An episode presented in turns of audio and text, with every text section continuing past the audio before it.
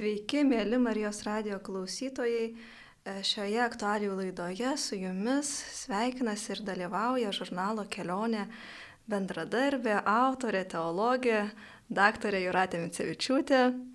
Sveiki. Ir aš, žurnalo kelionė redaktorė, sesuo Faustina Elena Andrulytė. Džiaugiamės, kad šiandien galim su jumis sveikintis ir pristatyti jums naują žurnalo kelionė numerį, kuris skirtas pavasariui, kuris pasitiks skaitytojus su tokiu pavasarišku viršeliu, su pumpurėliais ar ne. Ir, ir ta pabudusios gamtos pažadų, bundančios gamtos pažadų, ko tikrai esame pasilgę.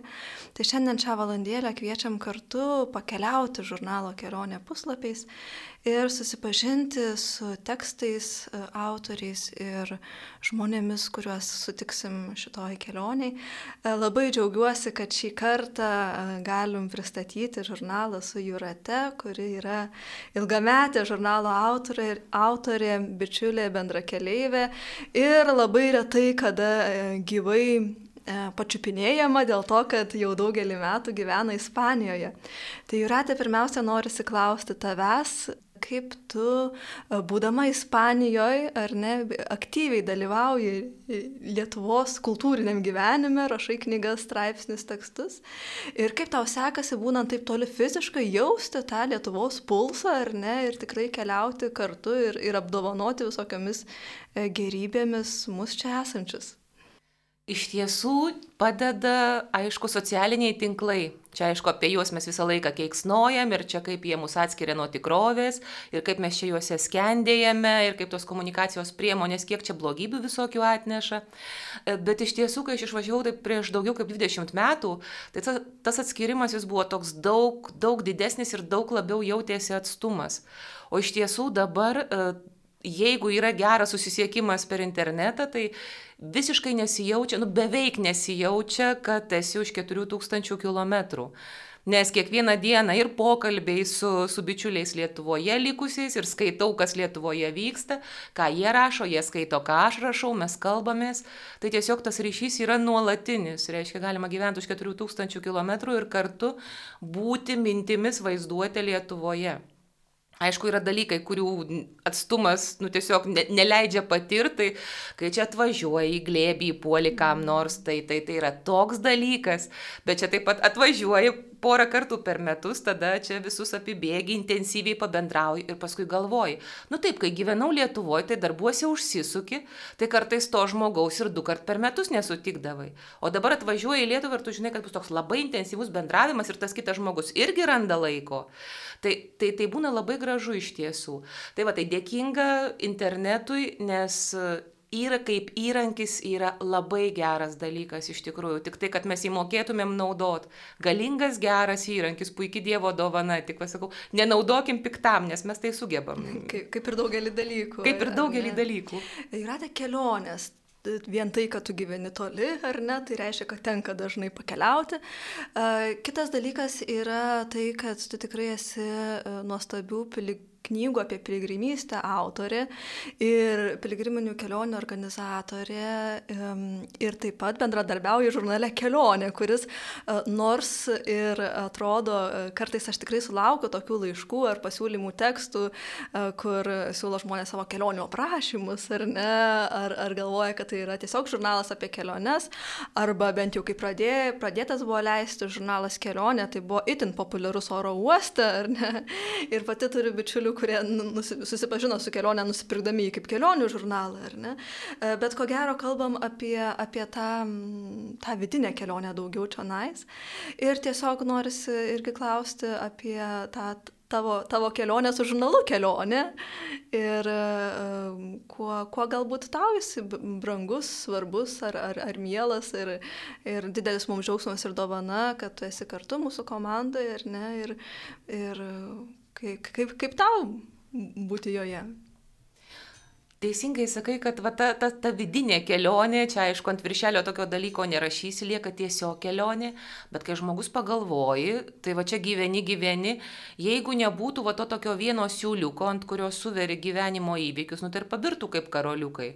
O va ta pati mintis, kad kiekvieną dieną atsikėlę mes tiesiog išeinam vėl į kelią ir tas kelias tas pats, kurį palikom vakar, tai kai pagalvoju, nu taip ir yra, nu nuo lopšio iki karsto, čia tokie, yra toks palyginimas, kaip du knygos viršeliai.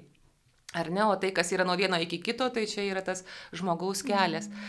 Tai tas krikščioniškas supratimas, kad žmogus yra piligrimas kelyje į tėvo namus, tai mes visą laiką ir einam. O jeigu tu galvosi, kad tiesiog kiekviena diena yra toks, nu, chaotiškas įvykių, toks kaip rinkinys, tai, tai labai, labai viskas pabyra.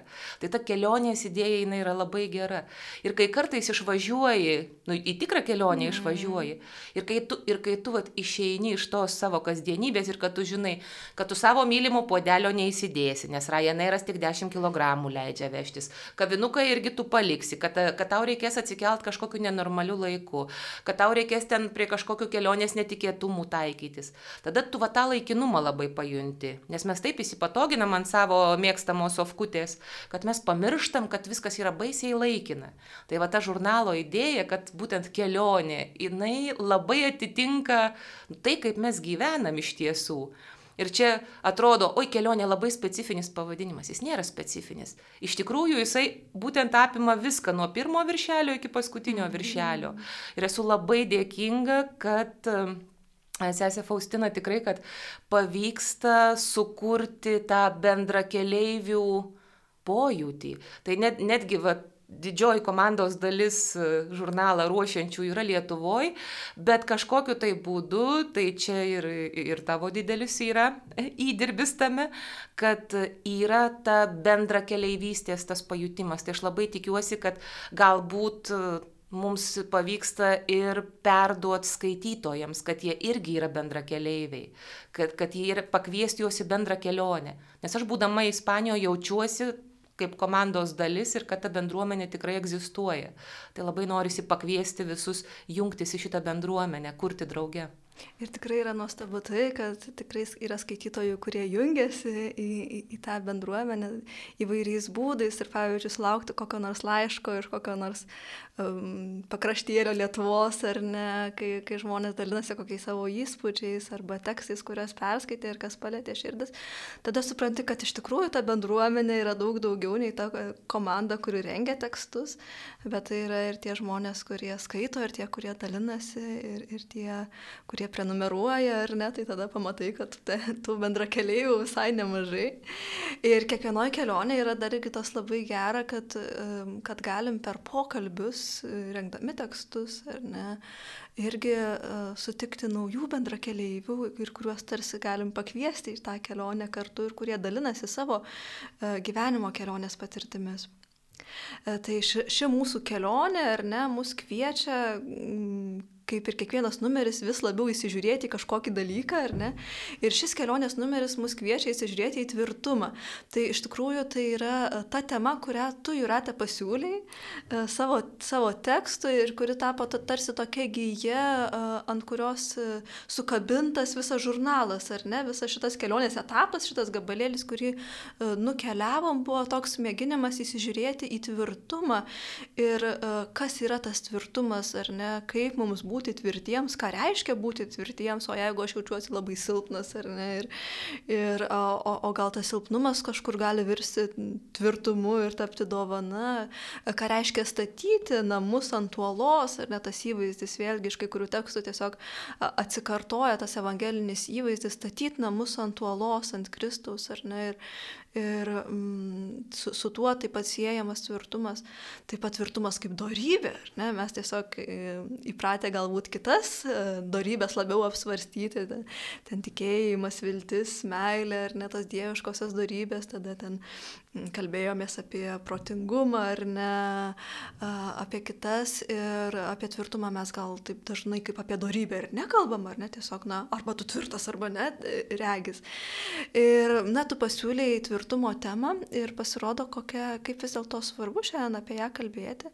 Ir gal galėtum truputėlį pasidalinti, kaip tau pačiai kilo ta uh, darybių tema, kurią darybė toks, na, nelabai populiarus žodis šiais laikais tenka pripažinti pažinti, ar ne, ir mes tikrai netgi neturim daug e, leidinių, kurie kalba apie tai, turbūt vieną knygą darybės turim išleistą.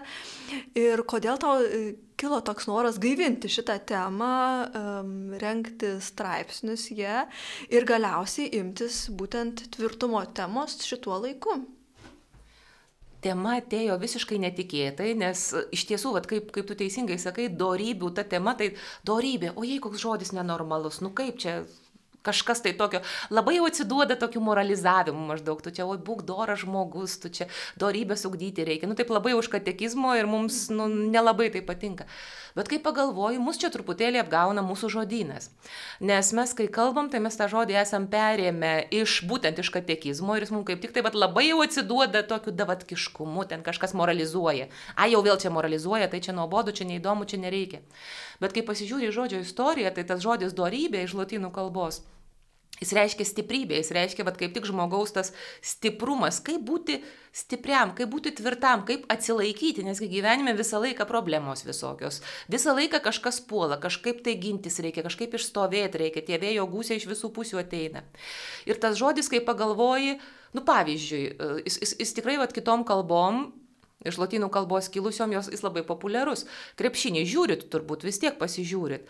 Žalgiris e, su Bolonijos virtus žaidė? Žaidė.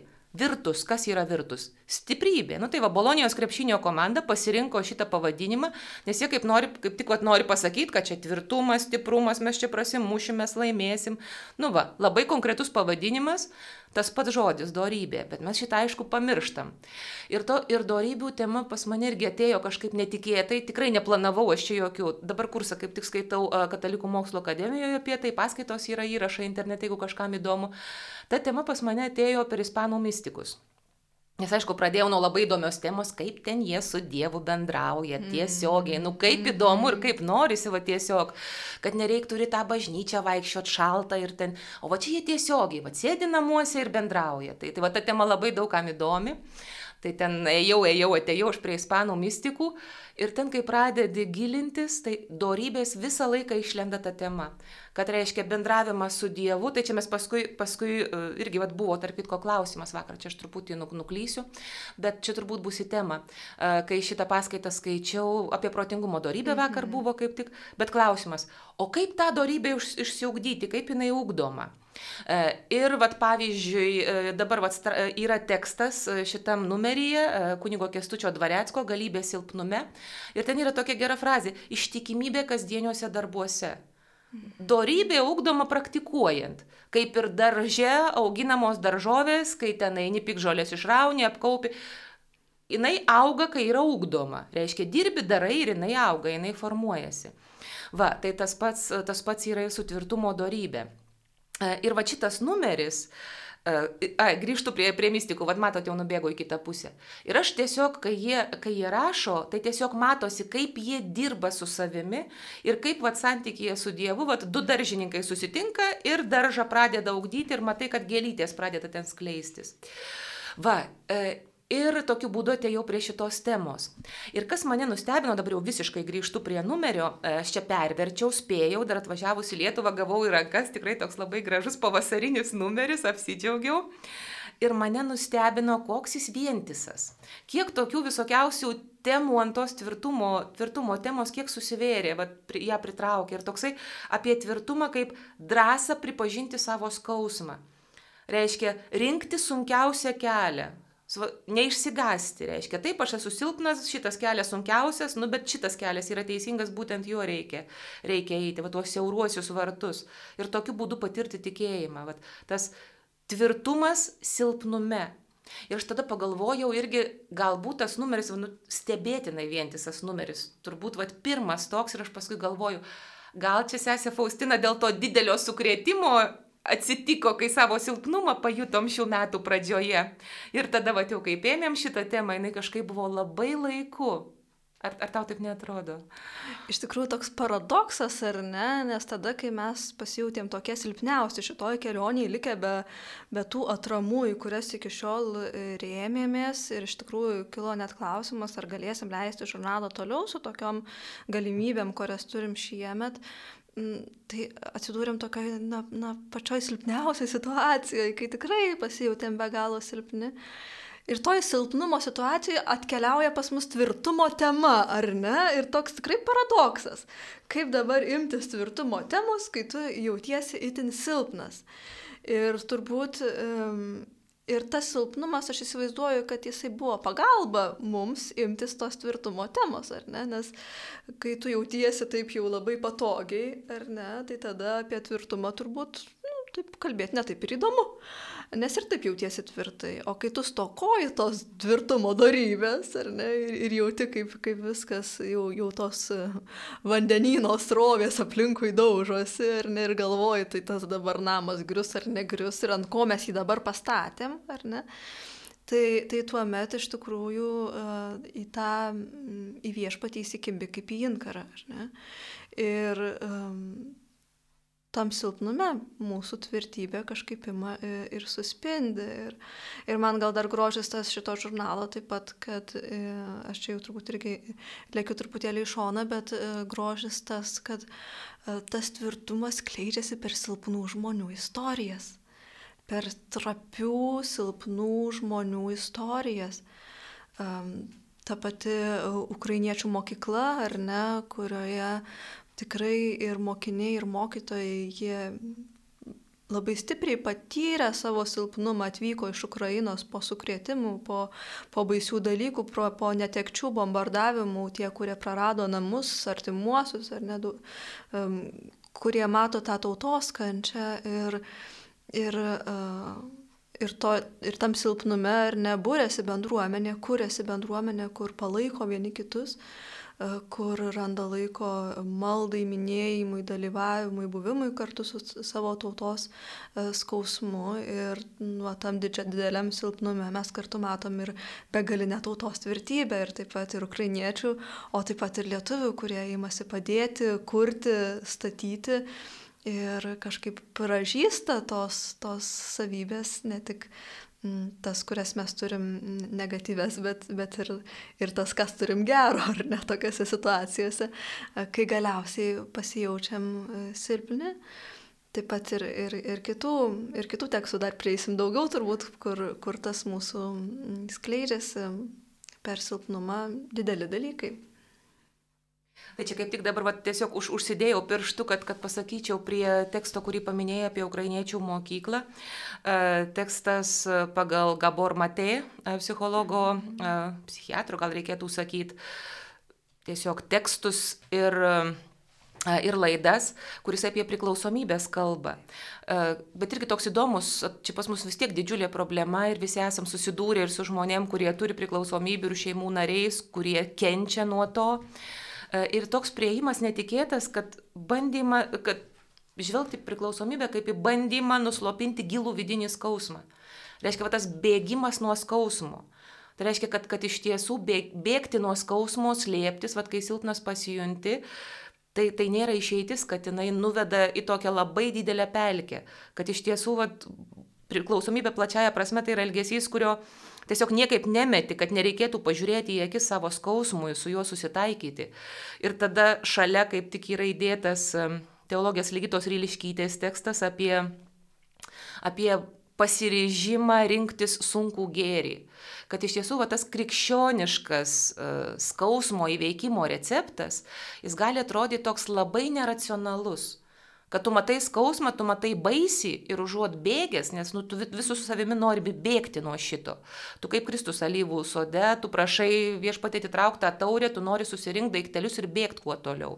Ar, ar į narkotikus, ar į, ar į alkoholį, ar į kokias, vat, apie darboholiją sako, vat, Gaboras Matė sako. Mm -hmm. Čia, čia ne, ne visos priklausomybės yra jau tokios neigiamos, kai kurios kaip tik labai gražios, nes jisai sako, jisai ten ir į darbą bėgo, ir, ir klasikinės muzikos įrašus kolekcionavo. Sako, visi ten džiaugiasi juo, oi kaip jūs čia dirbat, oi kokia pas jūs kolekcija, koks jūs žinovas. O iš tiesų čia buvo bėgimas nuo to vidinio skausmo. Tai mes bėgt norim, o krikščio, krikščionybė sako, ne, ne, turi eiti per tuos siauruosius vartus, pažiūrėti akis skausmui, praeiti per jį. Tai va, silpnas žmogus, kuris eina per savo skausmą, kuris pakankamai tvirtas, kad pasižiūrėtų į akis savo problemoms. Va tas perėjimas per problemas. Va, kai, va tokiu būdu ugdomas krikščioniškas tvirtumas. Ir šitas receptas jis yra visiškai nepopuliarus. Ir jis eina prieš visus tų ne, netikinčių, nekrikščioniškų psichologų patarimus. Nes visi siūlo bėgti, siūlo nejausti. O čia tau yra siūloma išjausti. Kad reiškia rinktis sunkų gėrį vienintelė išeitis iš krizės. Tai čia teologijos Ligitos Ryliškytės tekstas būtent apie tai, ir jie taip kartu sudėti, tai man jie taip kartu ir persiskaitė vienu, vienu to dusiu.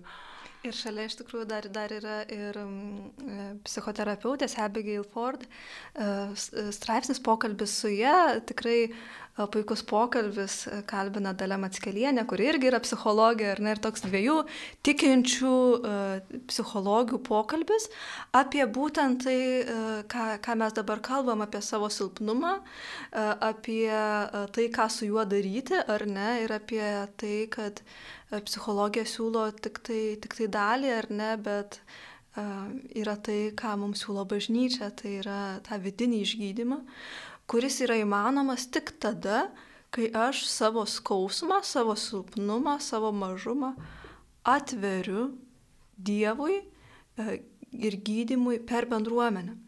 Ir Abigail yra ilgametė tarnystės gyvojo vandens programos, dykumos rovės, dykumos versmės bendruomenės narė ir tarnauja ne tik tai asmenėse konsultacijose, bet ir vidinio išgydymo programuose kurių, kurių esmė yra dalinimasis ir malda mažose grupelėse, kai tu tiesiog papasakoji savo e, jautriausias, e, skaudžiausius išgyvenimus ir patirtis.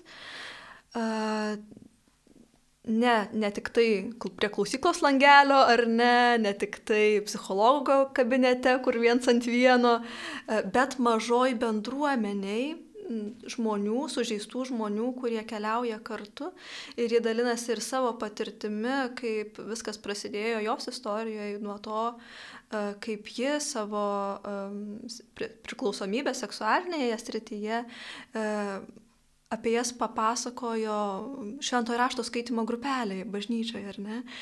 Ir jinai patyrė tokį, užuot gal, galvojus, kad galbūt jie atmestos moterys, nes čia ji viena vargsta su, su tokiom nelaimėm, ar ne? Tai užuot patyrus tą atmetimą, ji patyrė neįtikėtiną empatiją, palaikymą ir per tai įsileido gydančią Dievo šviesą į, į, į tą savo skausmą ir įdalinasi savo patirtimi ir taip pat e, tarnystės patirtimi, palydint žmonės. E, ir labai nuostabu tai, kad e, jie dalinasi taip pat ir savo santykių su Lietuva, nes čia e, kartas nuo karto atvyksta e, vesti užsiemimų, seminarų ir tas bendrystė su Lietuvos ir Lenkijos tikinčiaisiais iš esmės pakeitė jos gyvenimą, nes ji buvo protestantė, augusi protestantiškoje šeimoje ir pamačiusi tikėjimą Lenkijos ir Lietuvos šalyje žmonių tikėjimą, charizminę maldą, sakramentų praktikavimą, jie užsidegė irgi troškimu gyventi sakramentinį gyvenimą ir tapo katalikę. Ir tai yra ir, ir, ir jos gyvenimo dalis ir, ir kelionė. Tai, tai tikrai šitas straipsnis e, daug, daug kalba ir apie psichologijos ir tikėjimo santykį, ar ne, kur yra riba, apie, apie vidinio išgydymo poreikį ir kiek mums reikia gydytis, ar ne, kartais atrodo gydomės, gydomės ir galo nėra, ar ne.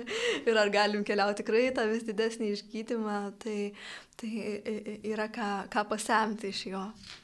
Teko girdėti tokį gerą posakį, sako, psichoterapeutas gali daug duoti, bet vieno dalyko negali duoti. Jis negali duoti vilties. Nes viltis vis tiek ateina per tikėjimą, reiškia. Tu, tu, kai, kai eini psichoterapiją ne, ne, nesutikinčių žmogum, tai tiesiog tu, tu lieki pats vienas su savo problemom, nu daugiau daugiausiai kažkoks artimas žmogus tau gali būti padėti, bet tu žinai, kad tas artimas žmogus irgi yra ribotas ir silpnas. Ir tau neduoda vilties, kad tuo metu, kai tau bus sunkiausia, tau išties ranką ir tokią galingą ranką, kad tave iškels, tai tu tiesiog dirbi be to apsauginio tinklo ir vis tiek tas, tas toksai vikšriukas graužia viduje maždaug, o jeigu aš neįveiksiu, o jeigu mano problemos mane įveiks. Mm. Tai dėl to kažkaip vienam e, be tėvo, dangiškojo tėvo rankos, labai sunku pasižiūrėti savo problemas ir tą savo ribotumą tokį priimti. Ir taip pat dar iš kitos pusės, apie ką kalba psichoterapeutė, jinai sako, kad uh, aš galiu kaip psichoterapeutė konsultuoti žmogų daugybę kartų, galbūt netgi ne vienerius metus kažkokiu klausimu, kol ateina atsakymas ir supratimas, ką jam reikia daryti. Bet ji yra turėjus tokių patirčių, kai lygiai tas pats atsakymas ateina ir įvyksta poslinkis, ne per daugybę susitikimų ir konsultacijų, bet per vieną kartą pasimeldus kartu su tuo žmogum. Ir sako, tai yra tai, ką gali Dievas, ar ne, tai, kas įvyksta bendradarbiaujant su juo, yra daug e, greičiau kartais ir nuostabiau negu tada, kai mes nu, tiesiog naisojamės po savo psichologinius dalykus, ar ne, o Dievas yra pats geriausias psichoterapeutas, kuris mus keurai pažįsta ne, ir gali per, per akimirką duoti suvokimą ir supratimą, kai, kuria kryptimi tau svarbu e, judėti. Tai čia ir tas liudėjimas apie maldos galę begalinę taip pat, taip pat yra. Tai čia labai svarbus tasai išbandymas praktikoje, kaip ir su darybių ūkdymu. Tai va dėl to kažkaip labai, labai man, kas, kas visą laiką smagu kelionė, visą laiką džiaugiuosi, tai va tie ilgi pokalbiai, taip. Atsisėdi ir verti puslapį po puslapio ir taip ar arti arti tas kitas žmogus, tu su juo susipažįsti ir kažkaip taip gera. Ir atė tavo žodžiai tikrai yra paguoda, nes kartai žmonės sako, oi, pamačiau, koks ilgas, e, žodžiu, pokalbis ir netgi nesinori jo atsiversti, nes labai ilgas. Tai šitą pavyzdžiui, va irgi dabar e, laikau pasidėjus pirštų, kad nepamirščiau pasakyti, va apie silpnumo tą suvokimą, pokalbį su Teresė Urpšytė auksienė irgi toks ilgas, ilgas pokalbis, bet pradedi skaityti ir kažkaip tos pažinties vis, vis negana. Tai va tas ilgas pokalbis, jis yra nu tikrai didžiulė galimybė pabūti su, žmonė, su žmogum, pasikalbėti, aš nežinau, čia man atrodo, tu daugiau, daugiau žinai, galėtum pasakyti. Iš tikrųjų, tikrai teko tas džiaugsmas aplankyti Teresę ir ją kalbinti, mes su, su mama kartu nuvažiavom. Mm, mano mama irgi yra aktyvi mm, žurnalo bendrakeleivė ir, ir, ir korektorė, e, ir, ir, ir bičiulė, ir palaikytoja, ir visada pasako savo nuomonę apie tekstus ir mes ir pasiginčijam, ir pasidžiaugiam. Ir kartu su ją vykom aplankyti Teresės ir kalbinti jos. Tai Teresė tikrai yra e, nuostabi moteris, e, kuri dosniai dalinasi savo šeimos patirtimis. Ir uh, mums dar Teresė, tik kaip tikintiems žmonėms, irgi yra labai artima dėl to, kad uh, jos brolis Antanas Rupšys mums padovanojo, ar ne, uh, šventojo rašto vertimą, Biblijos vertimą. Ir, ir po šiai dienai mes jį naudojam, ar ne, irgi geresnio neturim kol kas. E, tai Teresė pasakoja savo šeimos istoriją, iš ties jie, jie su jų augo nemažai, berots penki vaikai šeimoje, reiktų dar patikslinti. Pasakoja savo šeimos istoriją, kaip buvo ugdomi tikrai ta tokia lietuvybės dvasia, ar ne, ir, ir tokia maldingumo, lietuvybės, tautiškumo dvasia buvo, buvo auginami augo, augo gražioj šeimoje ir atėjus sovietmečiui. Be abejo, kaip tokie tikrai lietuviškos dvasios žmonės, kilnios dvasios žmonės, jie, jie suprato, kas yra kas ir tai, tai šeimai buvo aišku, kad reikia padėti partizanams. Teresė tuo metu buvo mergaitė, ji, ji augdama savo dar ankstyvoji paauglystė, ji matė partizanus, kurie rinkdavosi ir pas juos į namus. Ir uh, matė mamos pagalbą ir duodavo jai tą nešti maisto į pamiškas tiem partizanam. Ir po truputį, po truputį jinai prie jų, prie jų artinosi ir galiausiai tapo partizanų ryšininkė.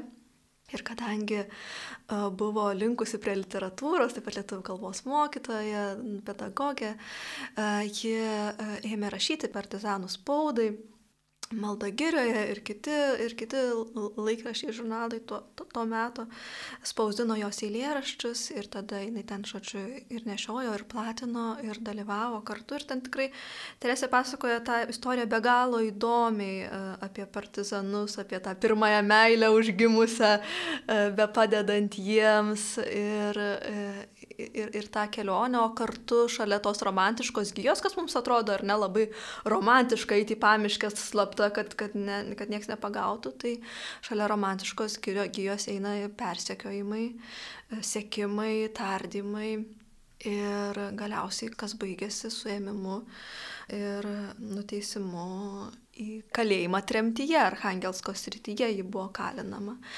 Tai Teresė tikrai, tikrai um, Bet viena dar yra skaityti jos pokalbį, skaityti, ką, ką jinai kalba, girdėti, ką jinai kalba. Ir dar yra matyti nuotraukas. Tai jinai tikrai pasidalino tremties nuotraukomis, kurios visose tremties nuotraukose ji šypsosi, tartum būtų išvažiavusi kurortą. Ar ne? ir tu įsivaizduoji, kaip tenai, e, kokios ten sąlygos ir, ir kaip ten yra. Bet kokios nepalaužiamos dvasios ir kokio tvirtumo yra žmogus, e, kuris sugeba šypsotis išdidžiai ir laisvai, tokios tikrai nelaisvės ir tragedijos akivaizdoje, ar ne? Tai, um, tai yra mm, nuostabus pavyzdys ir liudijimas šiandien mums, kas yra tvirtumas, ar ne, kas, koks yra tas tvirtas žmogus. Ir šalia man dar buvo be galo įdomu Antano Rupšio istorija. Ja išgirsti, nežinom, kad jis pasitraukė į vakarus, kad jisai baigė mokslus, tapo profesoriumi užsienyje, ar ne, ir kad jis vyko į ekspedicijas šventojo rašto kraštuose, kad jis rašė, e, vertė šventą raštą, rašė paaiškinimus, ar ne, turbūt, nežinau, e, visi, kas, kas mokėsi teologijos, tai su rūpšio raktais už, išaugę, galės jūratę patvirtinti, ar ne. Ir kaip, ir kaip ten nutiko, kad tikrai jis iš, išvažiavo, išvyko iš, iš Lietuvos. Ir panašu, kad tai buvo nelengvas sprendimas, jis tikrai pajuto tą dvasinį pašaukimą ir pirmiausia įstojo į Telšių kunigų seminariją. Bet dar prieš įstojant į seminariją jis jau dalyvavo Lietuvos laisvės armijoje, kur ten platino atsišaukimus ir užsėmė tokią antisovietinę veiklą.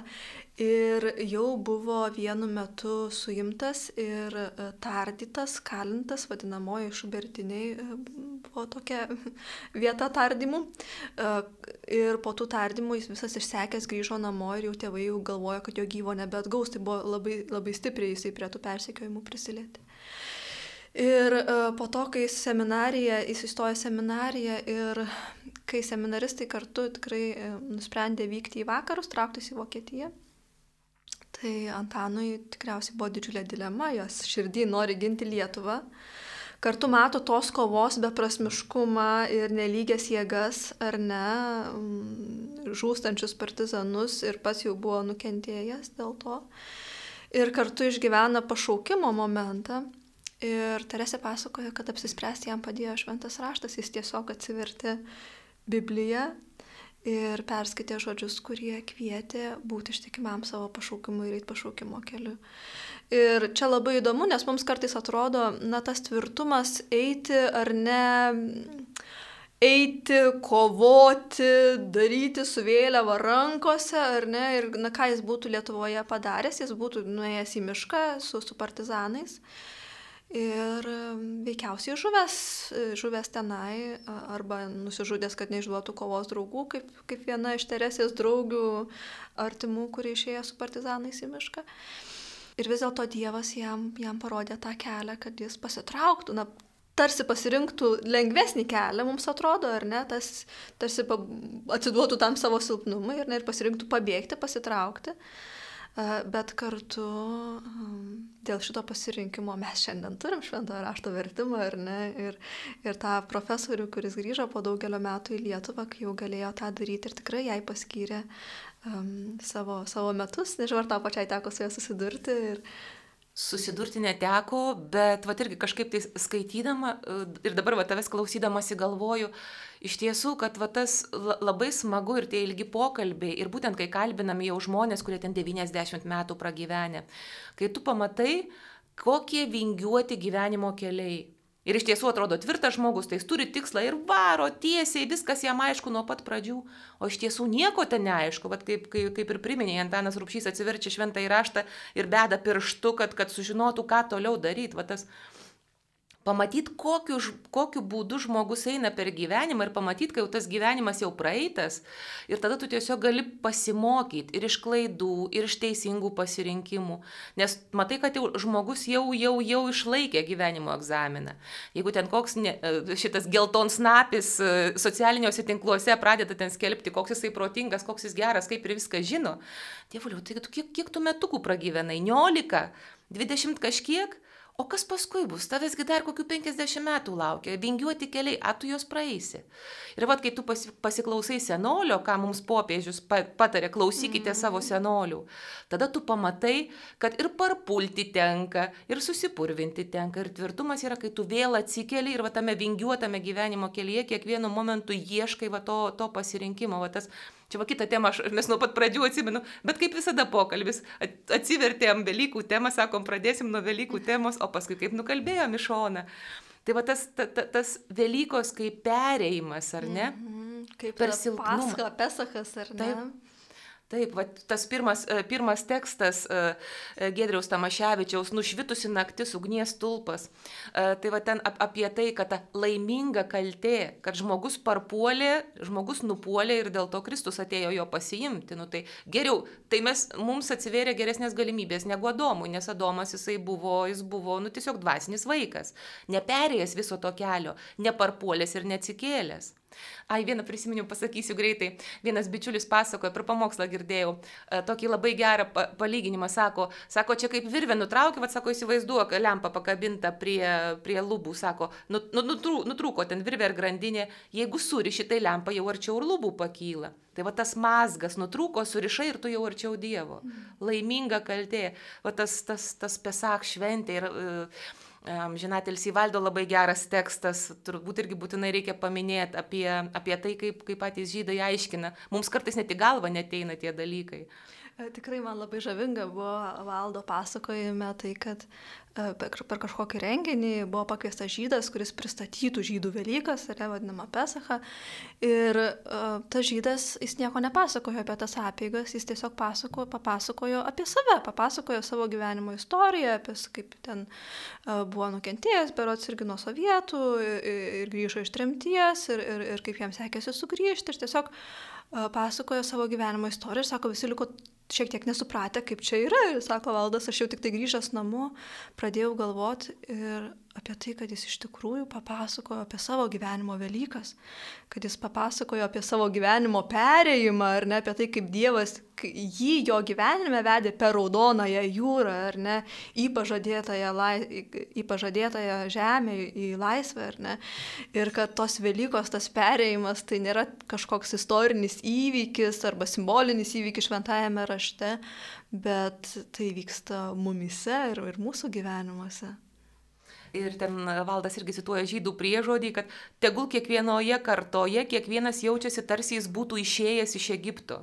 Reiškia, kiekvienas vedamas iš Egipto. Ir mes irgi vat, prieš, prieš pokalbį, kaip tik sakom, reikia, reikia pasakyti vat, tą, kad išėjimas vyksta kiekvieno žmogaus gyvenime per sunkumus ir išbandymus. Čia irgi iš, iš valdo teksto.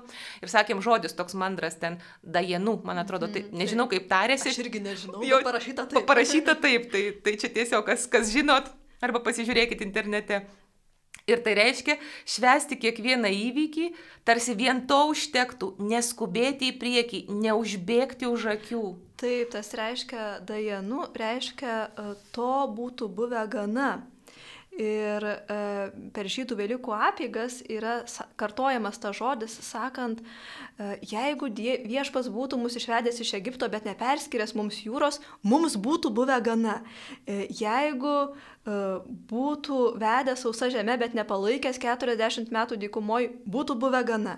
Jeigu būtų palaikęs dykumoje, bet nemaitinęs mana, mums būtų buvę gana. Ir visa ta išganimo istorija pasako, pasakojama, pridedant būtų buvę gana, ar ne, kad Dievas padaro mums uh, tiek daug stebuklų, ar ne? Ir net jeigu jų būtų mažiau mūsų gyvenimuose, mums būtų gana, ar ne? Tai, tai irgi, na, nuostabus tekstas iš žydų apieigų, ką, ką valdas parodo ir, ir kviečia taip pat ir mus sakyti. Atsig atsigręžti į savo gyvenimo kelią ir pasižiūrėti, kiek kartų va, tas, tas dajenų, va, tas ir to būtų buvę gana, kiek kartų tai jau įvyko. Tada, tada iš tikrųjų daug drąsiau gyventi, va ta tvirtumo darybė taip ir auga. Atsigręžti atgal, pasižiūri, kaip tu ten pargriuvai, kaip tau ten ranką kažkas padavė Ir tu žinai, kad jeigu tu ateity vis tiek eisi tuo sunkiausiu keliu, žiūrėsi skausmų į akis ir pargriūsi, tu žinai, kad tau vėl paduos ranką. Čia va būtent tai yra ta viltis, kurios negali duoti psichoterapeutas. Ir turbūt vienas iš tų dalykų, kas atsiskleidžia dabar ar ne, yra tai, kad e, dėkingumas yra irgi kelias į tvirtumą. Ir tada, kai aš dėkoju už tai, kas jau įvyko mano gyvenime, e, tada aš darausi tvirtesnis ar ne, priimti naujus iššūkius. Ir va čia mes sakėm, kad jau mažai laidos lieka, mes sakėm, būtinai reikia pasakyti apie brolį Mucijoną. Ir ten man kažkaip labai susijungė dar su pokalbiu su Rūta Kubiliūtė. Nes čia yra va tokios dvi gyvenimo istorijos, atrodo, nu jeigu mes ieškotumėm tvirto žmogaus pavyzdžio, nu mes nežiūrėtumėm į šitos žmonės, mes ieškotumėm kažko didelio, kažko galiūno, kažkokio tokio didžiūno. O čia vat apie tą ištikimybę tok, tokiuose paprastuose dalykuose, kaip ten tas gyvenimo daržas rausiamas, nu, tiesiog neįmanoma nepaminėti. Tikrai, brolius Mucijonas, ar ne, yra Belgijos šventasis, jį pristato rašytoja Agneša Grakarytė nuostabiam, nuotaikingam pasakojime. Ir kame yra didžiausias jo žavesys? Didžiausias jo žavesys tai, kad jis nebuvo nei labai gabus, nei labai apdovanotas, nei labai tvirtas ar išskirtinis, Bet jis labai nuolankus žmogus, kuris sakė taip. Ir jis įstojo į vienuolyną, iš kurio norėjo jį išmesti dėl to, kad jis nepaėgė susitvarkyti su savo auklėjamąją klasę, nes ten broliukai mokytojai buvo. Ir jau jį norėjo išmesti, bet vienas brolis sako, nu gal kas nors iš jo išeis ir liepė jam mokytis muzikos. Ir jis išmoko groti fleita, groti vargonais, dar keliais instrumentais. Ir e, pirmiausia pradėjau nuo piešimo, tapo piešimo mokytoju ir per tą sakymą taip, Dievui ir broliams e, jis iš tikrųjų pasiekė labai didelių dalykų, nors e, buvęs visiškai ar ne, tarytum toks nustumtas į paraštę žmogus. Ir tavo minima rūta dirba su tokiais pat mažutelaičiais, su, su negale turinčiais žmonėmis, e, trakų neįgaliųjų užimtumo centre, kur gamina medžio dirbinius. Ir tiesiog pasakoja labai paprastai apie savo gyvenimą, apie matymą, apie tylą, su kuria dirba, apie tuos žmonės neįgaliuosius, iš kurio įgauna daug daugiau negu iš sveikųjų, ar ne, to tikrumo, to nuoširdumo ir, ir, ir apkabinimo ir tas paprasto žmogaus tikro gyvenimo skonis, ar ne, tikrai jaučiamas tame tekste. Ir šitie tekstai, va irgi čia aš apie internetą pasakau, koks jisai geras, bet iš tiesų čia yra toks pokalbis su fotografe tapytoja Ona Marija, pamatysit, jinai perspėja, kad yra toks kaip polinkis, pavyzdžiui, Facebook'e, kai mūsų ten administratorius kartais išmeta tekstus ir panašiai, mus tarsi tam tikram patogiam burbule uždaro.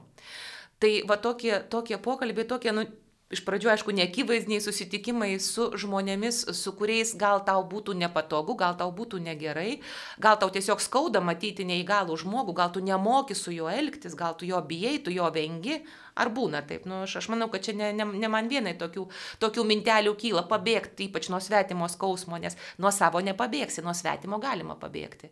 Tai va, tai e, tiesiog kvietimas išeiti iš to saugaus burbulo, dar ir į svetimą skausmą pasižiūrėti, tai čia yra labai geras dalykas. Ir tiesiog nu labai smagu, kad šitame numeryje yra galimybė tą padaryti. Pažiūrėti ir į svetimą skausmą, neišsigasti jo. Tai iš tikrųjų kviečiam e, skaityti žurnalą kelionę, skaityti naująjį numerį, atrasti tuos žmonės, tas asmenybės ir galbūt ir patiems bus proga žvilgtelti savo gyvenimo kelionę į stebuklus, kuriuos viešpats yra nuveikęs ir su dėkingumu sakyti, būtų buvę gana viešpatė ir net jeigu būtum davęs mažiau. Tai labai ačiū Jums, mėly Marijos radijo klausytojai, už uh, už tai, kad buvo šitą valandėlę su mumis. Uh, labai ačiū tau, Juratė, uh, už padovanotą laiką ir, ir atvirą širdį ir dalinimąsi kiekvienam numerį tikrai savo išvalgomis ir patirtimis su žurnalo skaitytojais. Gražios palaimintos dienos kelionėje ir bendra keliaivystėje, sutinkant vienas kitą ir keliaujant į su mumis viešpatį. Su Dievu. Su Dievu.